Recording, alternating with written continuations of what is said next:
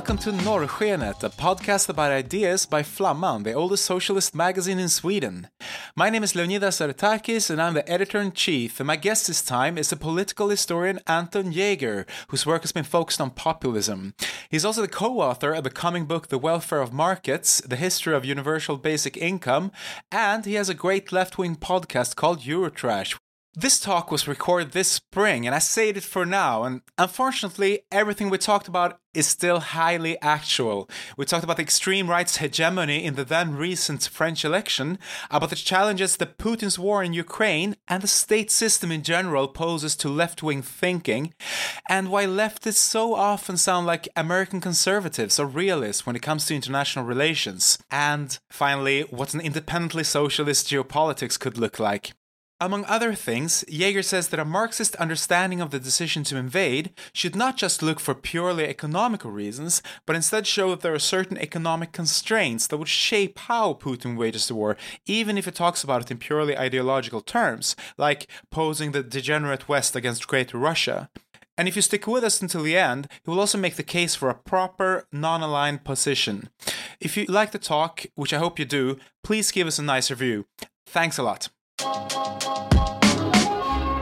Not only did the left seem split between the candidates, the Russian war in Ukraine caused some trouble as well, not least for Jean Luc Mélenchon, who has made some pretty shady statements about the conflict. He, he has said that the Russian annexation of Crimea was a stabilization, and he's kind of refused to criticize Russia's role in Syria. So it seems like it's always, you know, the West's fault, and he rapidly changed its tone now during the conflict. So what role do you think that the war played in the election? Again, I think we need to distinguish the effects of the conflict on the left and the right of the spectrum. I think on the left, it certainly for Mélenchon meant uh, backing off some of the, I say, tactical positions he occupied previously.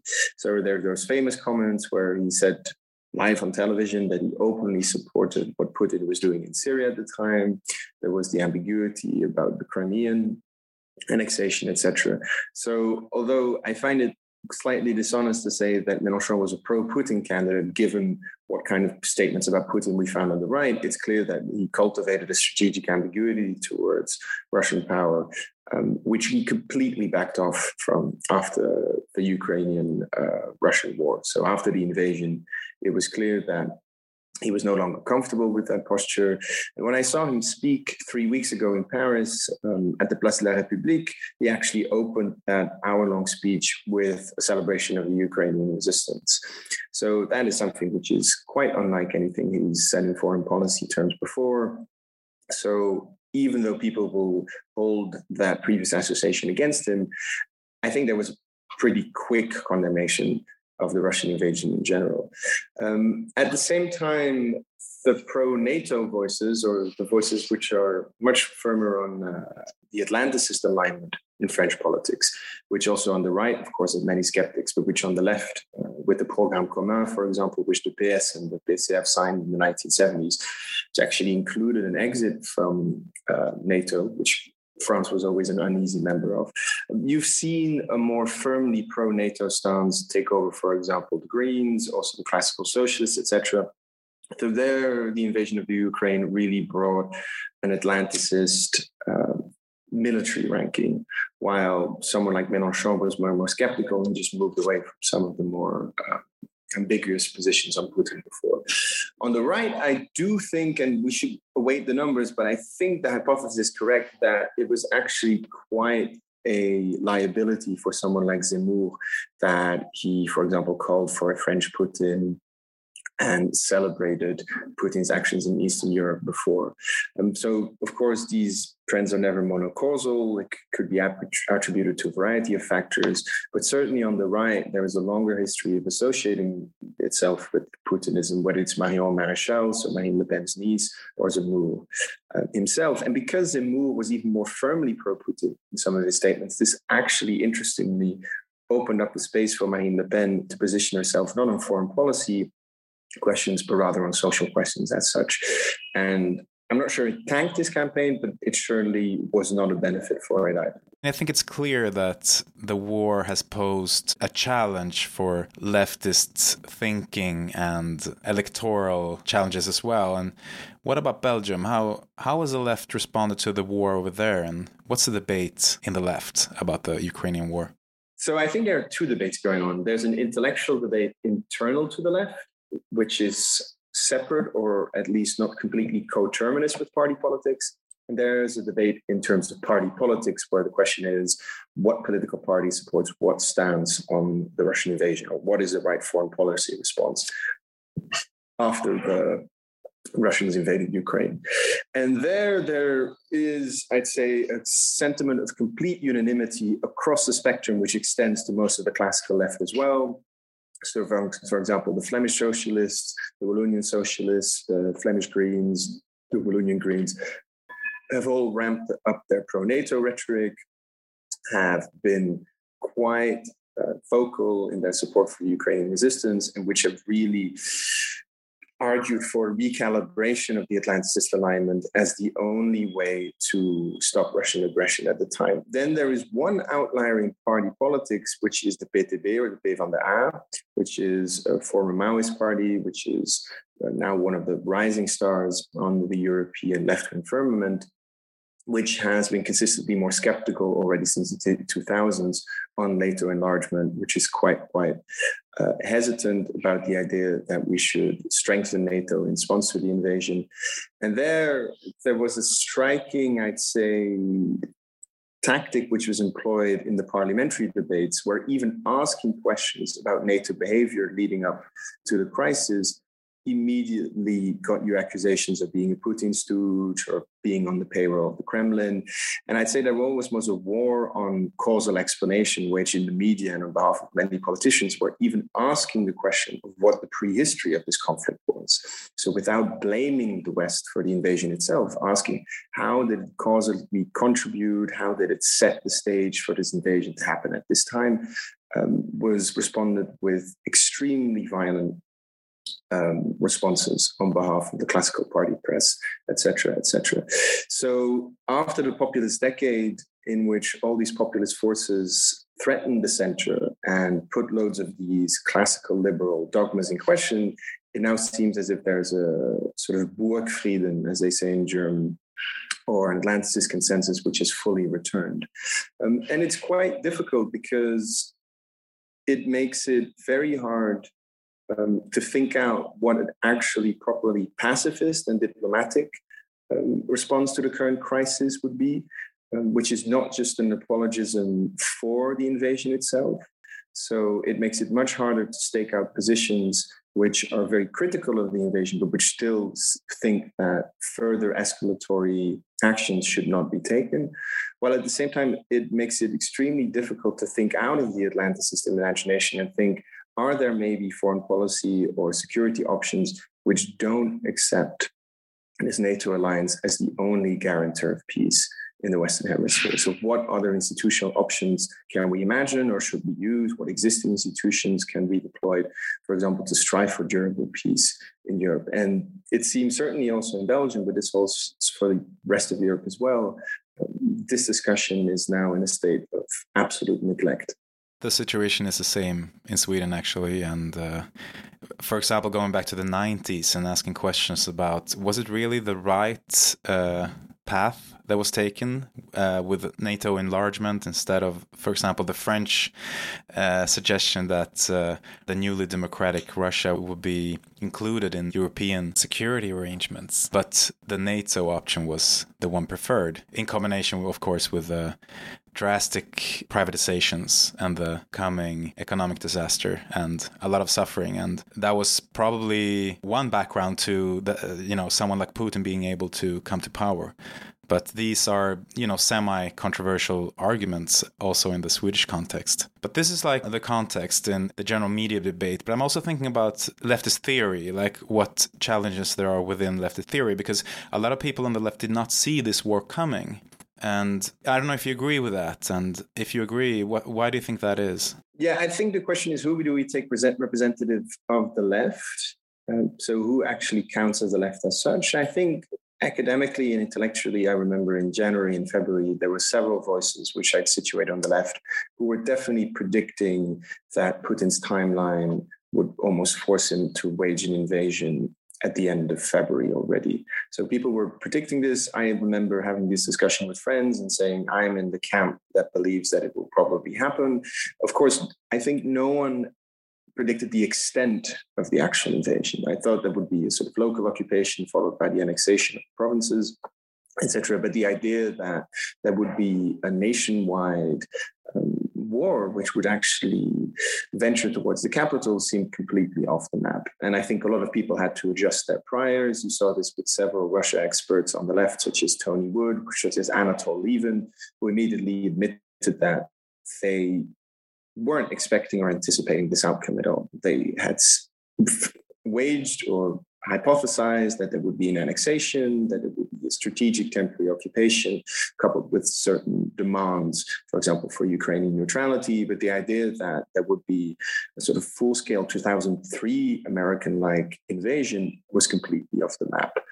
Um, and one interesting factor about the recent debate, certainly in the Anglosphere, is that the most focal voice of skepticism on the prehistory of the Ukrainian Russian conflict or the Russian invasion mainly have been conservative realists. So the Mearsheimers, and the Stephen Walts of this world are now the main voices who are advocating a form of restraint, who are very skeptical of the idea that Russia is a sole culprit in this conflict. And this has put the left, or at least parts of the intellectual left, on the back foot insofar as they now find themselves in the same camp with people who are open China hawks, who sometimes have pretty distasteful visions of uh, foreign policy, which are not at all compatible with Marxist visions, but who do share their skepticism on the idea that Russia is the only one that contributed to, to, the current crisis.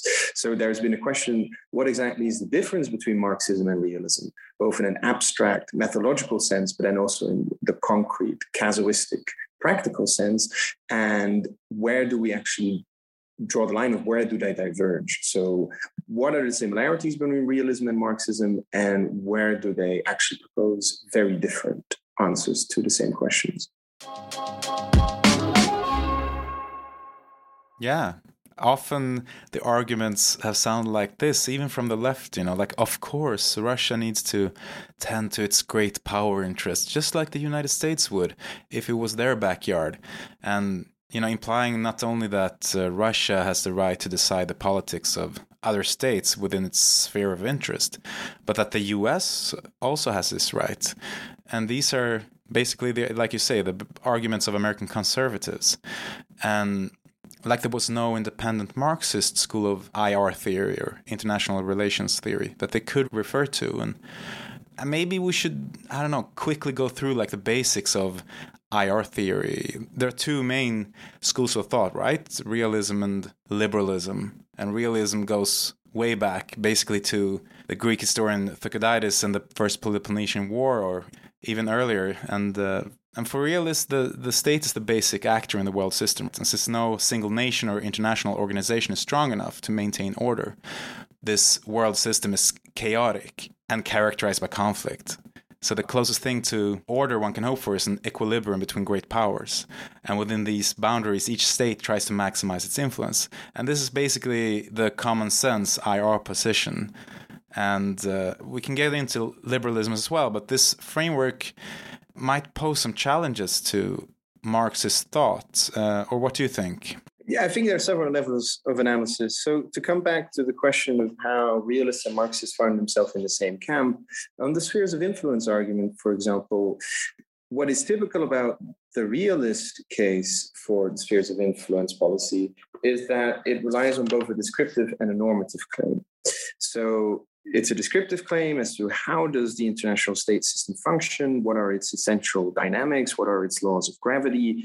One of its laws of gravity is that states are these essentially anarchic egoistic actors who will seek to maximize their security and um, self-interest and therefore they strive for these spheres of influence which will grant them security on an international level. That is a descriptive point like how does it function? What are the causal dynamics what happens on the international stage. but it also becomes a normative argument. And you see this very clearly with Mearsheimer and other realist that states striving for spheres of influence is not only inevitable, but it's something that actually should be taken as a given. That's not a political evil in and of itself. So, of course, it can have massively destabilizing and dangerous consequences, but as and of itself, that's just a sine qua non of statecraft. So, there's no sense in idealizing or moralizing about that tendency. And for Marxists, this poses a puzzle because Marxists do draw this distinction between the descriptive and the normative there, insofar as they agree with realists the international state system is essentially anarchic. It tends towards conflict or it has this inbuilt law for conflict uh, contained within it. And it agrees with the idea that states will naturally seek to extend their spheres of influence to assure their security. At the same time, Marxists, and certainly in the classical tradition, are very, very skeptical of the idea that states striving for spheres of influence is somehow a political necessity or something that should be supported from the left. And so, if you have this idea, well, Russia deserves its sphere of influence just as the US deserves its spheres of influence, this leaves a very, very narrow space for the class politics you're actually supporting. So, this, I think, already hints at both the similarities, but also the important differences between Marxism and realism, is that Firstly, they agree on the essentially anarchic character of the international state system. They agree to a certain extent that states are the central actors in it, or some of the most important actors. But Marxists have completely different theories about why the anarchy of that international state system persists. And they also have a host of other actors which they see as equally crucial to the actors of state in organizing international politics and international conflict. So for Marxists, there is not this inbuilt Hobbesian, almost natural urge for states to maximize their utility or maximize their self interest. This to them is just an abstraction. It's as if you would take the Hobbesian individual and transpose it to the international level. They say, like, no, the reason that the international state system is anarchic is because we live in on a capitalist planet in which every state is subject and dependent on the dynamics of capital accumulation for its functioning. This means that every state needs a functioning capitalist economy to reproduce itself, while at the same time, that capitalist economy also needs the state to function in return. So there's a reciprocal dependence, which is massively important. And since the process of capital accumulation is de facto an unstable and sometimes chaotic process, that obviously means that states and in the international arena will also be subject to it. So there are massive incentives for states who want to wage war to stimulate their capitalist economies, while the capitalist economy itself wants to incentivize the state to engage in warfare. And this means that the anarchy realists talk about as a natural tendency is actually a specific historical product namely of the modern capitalist era. And if you don't understand it in those terms, you also don't have a sense of what it would mean to actually end that anarchy on a durable basis. And that brings us to the second point about the moving away from the hardcore methodological nationalism, which is built into the realist position, where only states and nothing but states are actually the actors in international politics. The claim that Marxists make is, of course, well, states are important, but states are itself the product of certain class constellations. They're made of certain coalitions. They can be threatened and they can be populated by all different kinds of class actors. And it's the internal politics of these states, namely, how do the classes in relate to each other and how does the relation between those national uh, classes intersect with other classes that actually determines how international politics will play out? And this also gives you a different agent of stabilization or a different emancipatory subject for marxists for realists where realists just hope for a certain notion of raison d'etat or statesmanship, which will allow states to find these durable treaty solutions or equilibria, which means that if you carve up the world in spheres of influence and everyone gets their share, then maybe you'll find a way of averting conflict, at least in the shorter term. Marxists say that there is an agent that can abolish this international anarchy because it can abolish the process of capital accumulation, which drives the anarchy of the international state system. And that's the organized working class. So once you have these nationally organized working classes that can take on their own capitalist classes, you can strive for an international solution of peace, which doesn't naturalize or which doesn't presuppose that we're just doomed to live in a world of conflict um, until the end of times. And again, that shows the overlapping between the Marxist and the realist position, but it also shows how they radically diverge at a certain point and come up with both different descriptive and political prescriptions. This sounds uh, like you're talking about the imperialist theory. Do you think that this can help us explain the Russian invasion? I mean, is that the process of capital accumulation causing the state to expand into its region? Or because people have talked about other explanations for the behavior, nationalism or revanchism or which don't really fit into the classical imperialist theory. Yes, yeah, definitely. So I think here it's very important to insist, and I'm sure there are varieties of Marxism out there which don't conform to these criteria. So I'm, I'm not speaking for all of the Marxisms out there. But I think the strongest and most plausible versions of Marxism out there actually don't provide us with those positive explanations of behavior. So it's not a theory of motives, or it's not this sort of fully fledged anthropology which says whenever a human being poses an action, it has to have these economic motivators. So, for example, Putin invades Ukraine. Let's look for the economic elephant in the room or this sort of secret first mover, which explains why there might be an economic benefit to what Putin is doing. That's obviously not plausible because if you look at contemporary history, but also history in general, there are a multitude of actions which obviously don't have economic, any economic incentives at all. So, of course, you can talk about why Hitler needed to wage Operation Barbarossa, and you can talk about Siberian oil, oil feeds, etc., etc., or the problem with grain supply in Germany. But at the same time, there were other solutions to those problems which didn't include that massive invasion. So you can't reduce all human behavior to the economic, as some vulgar materialists or some vulgar Marxists might actually do. I think the much stronger way to read Marxism as a social theory, and therefore also the Marxist IR, is purely the idea that there are very strong economic constraints in human action. So you don't have to positively explain every human action through economics, but you have to insist that every human action will happen within a set of parameters. This is exactly what Ernest Mandel calls the parametric determinism of Marxism. So, not the mechanical, but the parametric determinism of Marxism, where there is a field in which people operate, but there are always certain outer, outer boundaries they cannot transgress. And those outer boundaries give you an analytical capacity to maybe see how people might be acting in that situation.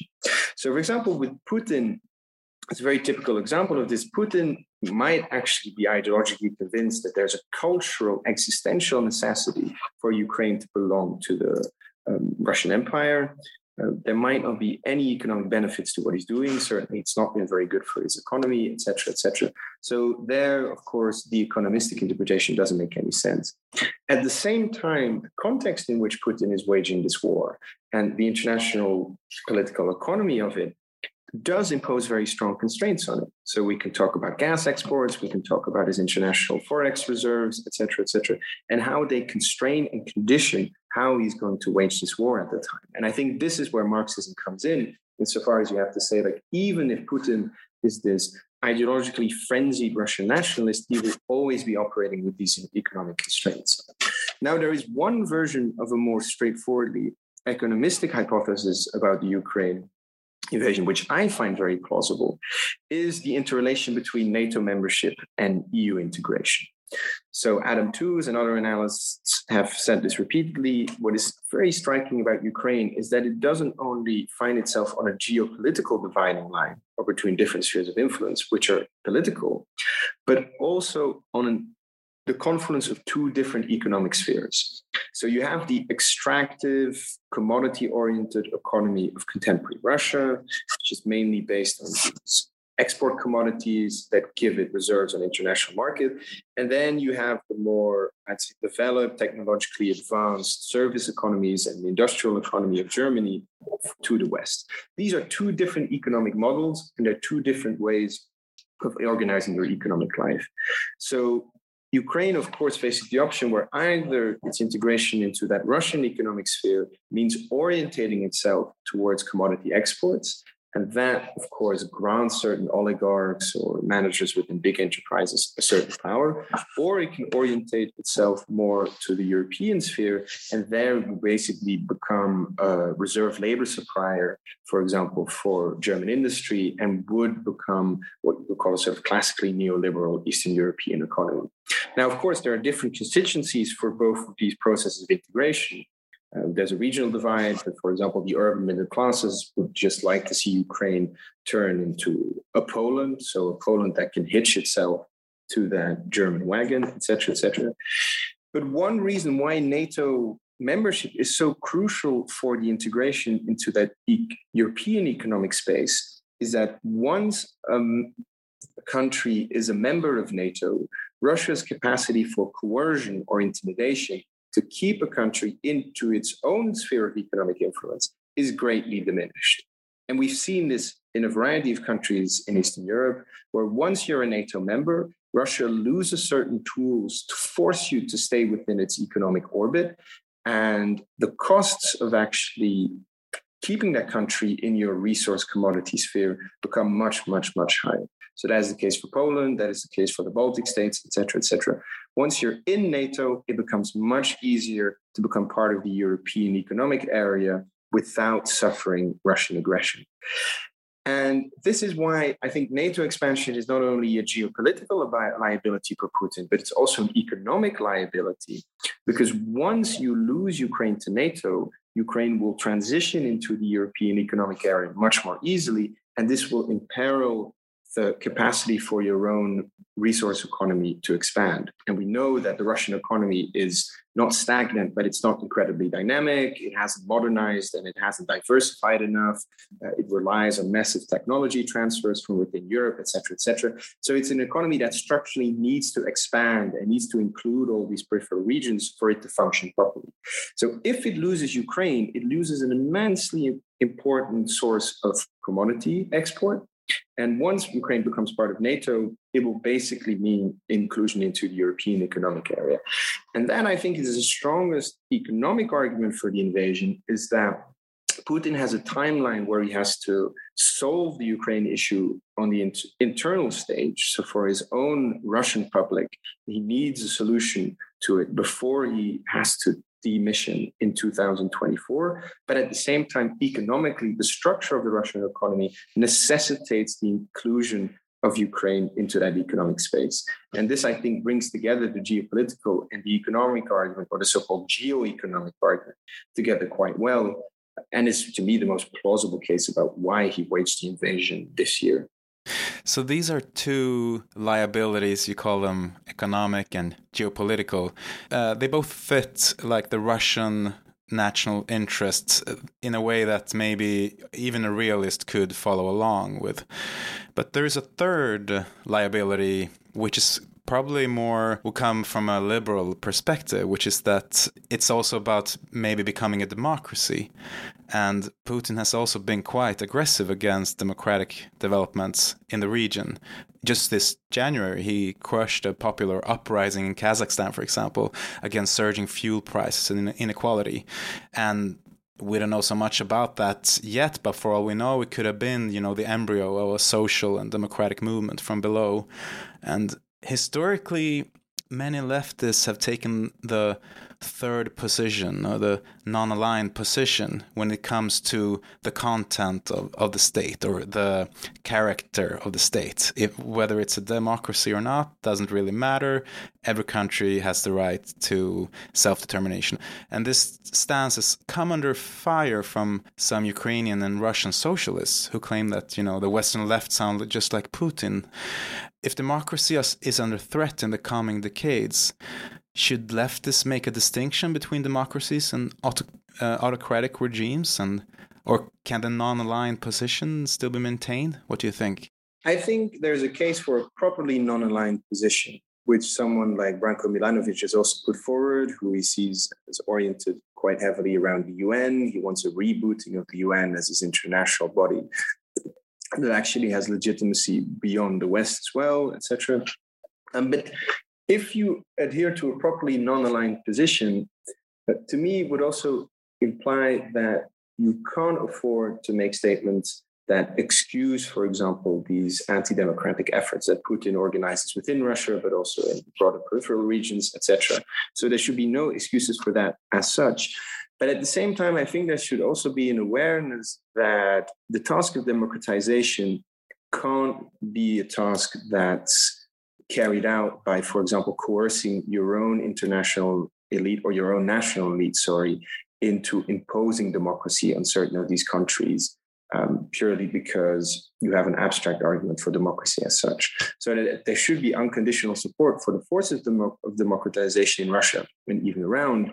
But when it includes an alliance which really compromises, I'd say, your class and even your intellectual dependence, where whatever in 2003 you'd say because the US is bent on bringing democracy to Iraq and deposing Saddam, this is something you should support as well, then I don't think there's a case at all.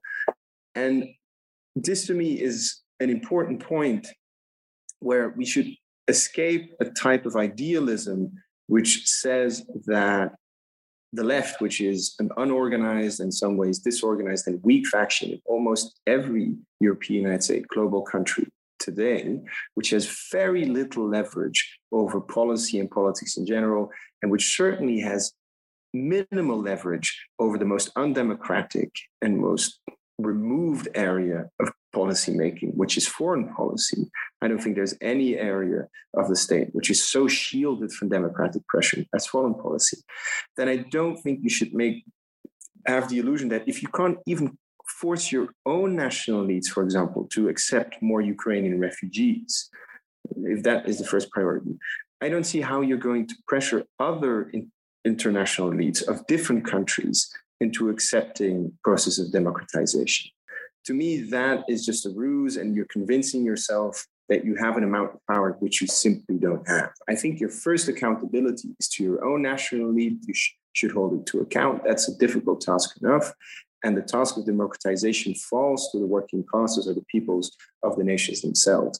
Now, of course, non alignment doesn't mean that, for example, you should celebrate the fact that Putin is crushing um, opposition parties, et cetera, et cetera, that is obviously a ludicrous option.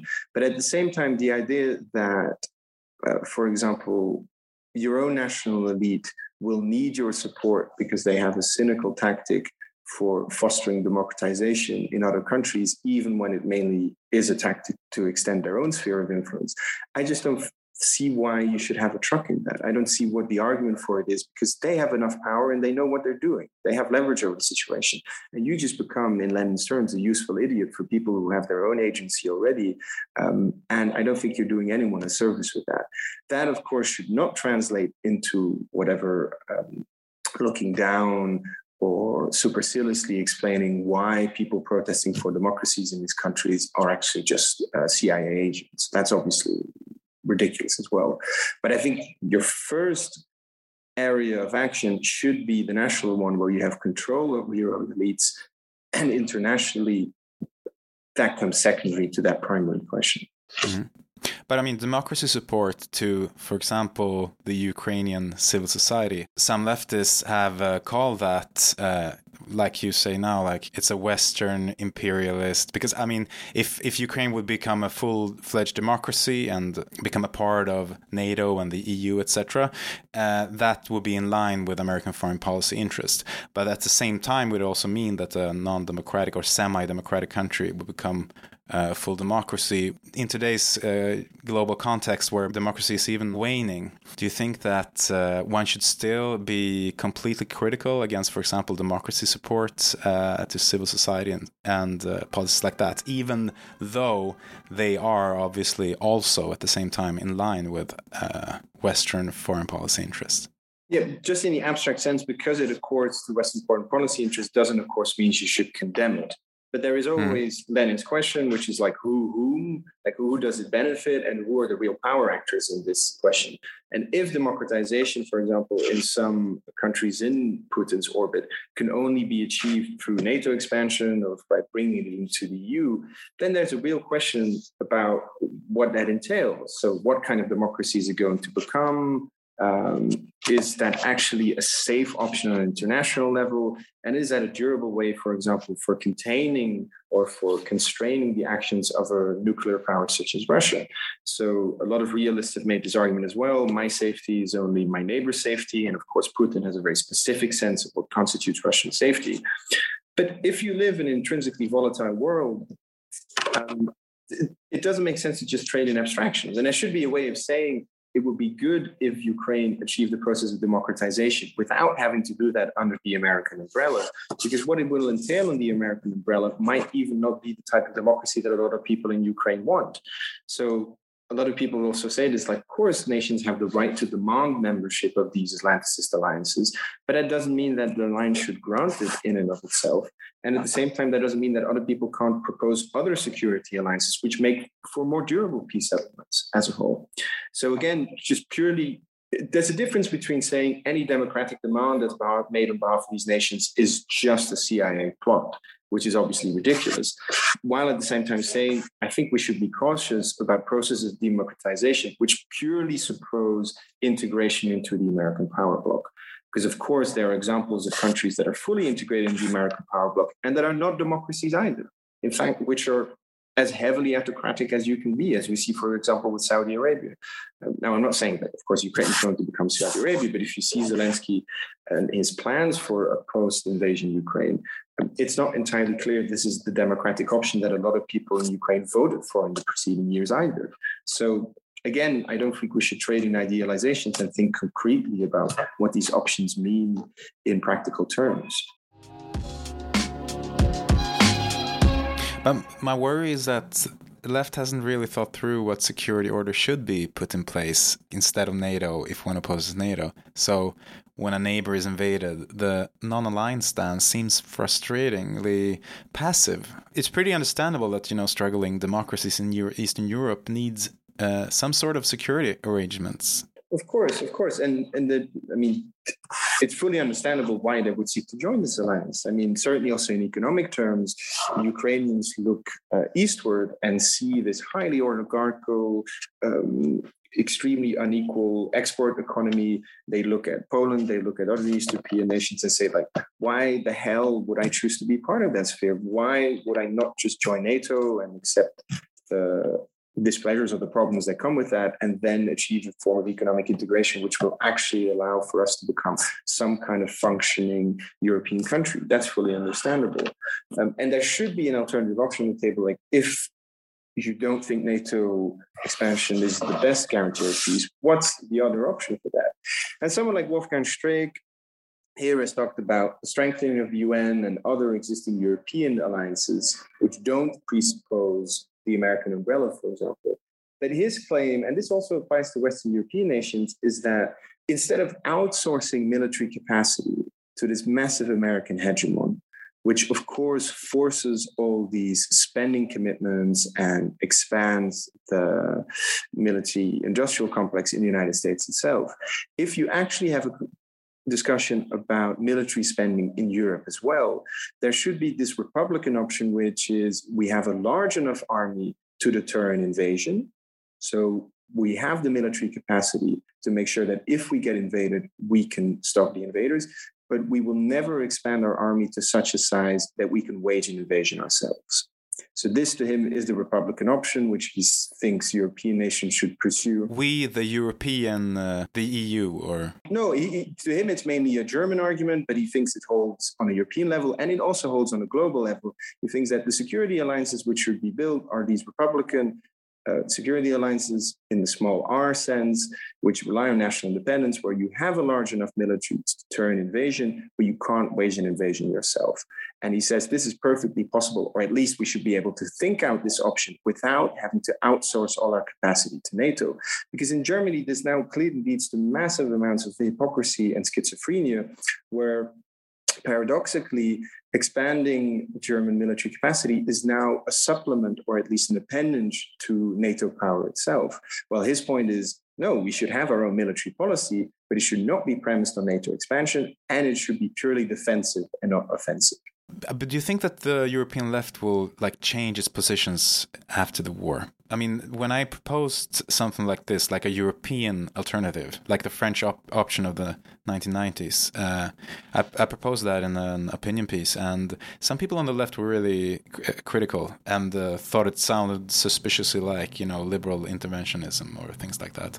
People are in general skeptical of military alliances uh, in the left, but Mélenchon uh, now after the invasion, he's uh, opened up for the idea of a stronger Europe instead of as an alternative to NATO, because he probably sees that these are the two options that are realistic. I mean, the not doing anything option will not uh, it will not win the debate, and it will not be enough for the Eastern European countries. So, what do you think? Do you think the left will shift? What do you think the conversation will be like in the coming years in the left when it comes to geopolitics? Yeah, I don't think abstentionism is an option. So, I think you're certainly right that the invasion has forced the question of military deterrence or of military capacity back onto the agenda, not only in the right, but also on the left. And I think the left should actually come up with an answer to this. So Streeck and Mélenchon, I think, are offering their own hypothesis, your own piece, seem to be doing the same thing. So I think that's quite important. At the same time, I think it's a question that should be answered in the concrete. So you have certain ideals, for example, the European Security Alliance, which sounds good in principle, given that it might get you away from the American umbrella.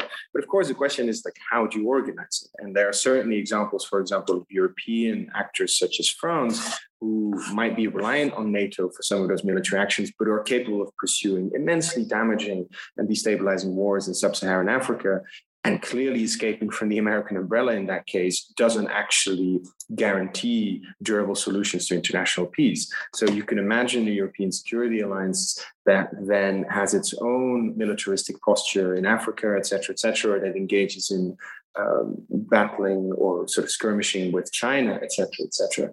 Um, so th- there's no guarantee that these will be suitable options as well. At the same time, I do think there should be a debate about what does it mean to have vision for the military from the left? What, what does it actually stand for? Because the invasion has shown that you, even if you're a pacifist, you need to have a capacity to think out some of these security solutions. And I think the Streeck option is one option uh, for this it's still quite abstract, right? Because he sees it as mainly applying to European nations. So it's not clear how this would not reinforce European predominance on international stage and such. The other option is again the Milanovic option I mentioned, where it's about strengthening the UN and supporting these non-alignment visions. Um, but at the same time, you, you can't be too idealistic about it, certainly from the left, where you should propose these alternatives, but you need to tag them on to some of the existing structures and mechanisms that are there. And if you think that, for example, you can build the security alliances on the basis of the EU, that seems highly unlikely now, given just how fused the EU has become with NATO, right? The two now basically almost fall together. So that seems like a very bad basis to construct that coalition on. At the same time, there are other existing structures in the UN, et cetera, et cetera, might, which might be better candidates for it. At the same time, abstention is, is no longer an option, and I think we should let all kinds of we should consider all kinds of proposals on that level. Anton Jäger, thank you so much for talking to me. No worries, it was a pleasure. Thank you. That's it. Thanks for listening. Please give us a nice review and take care.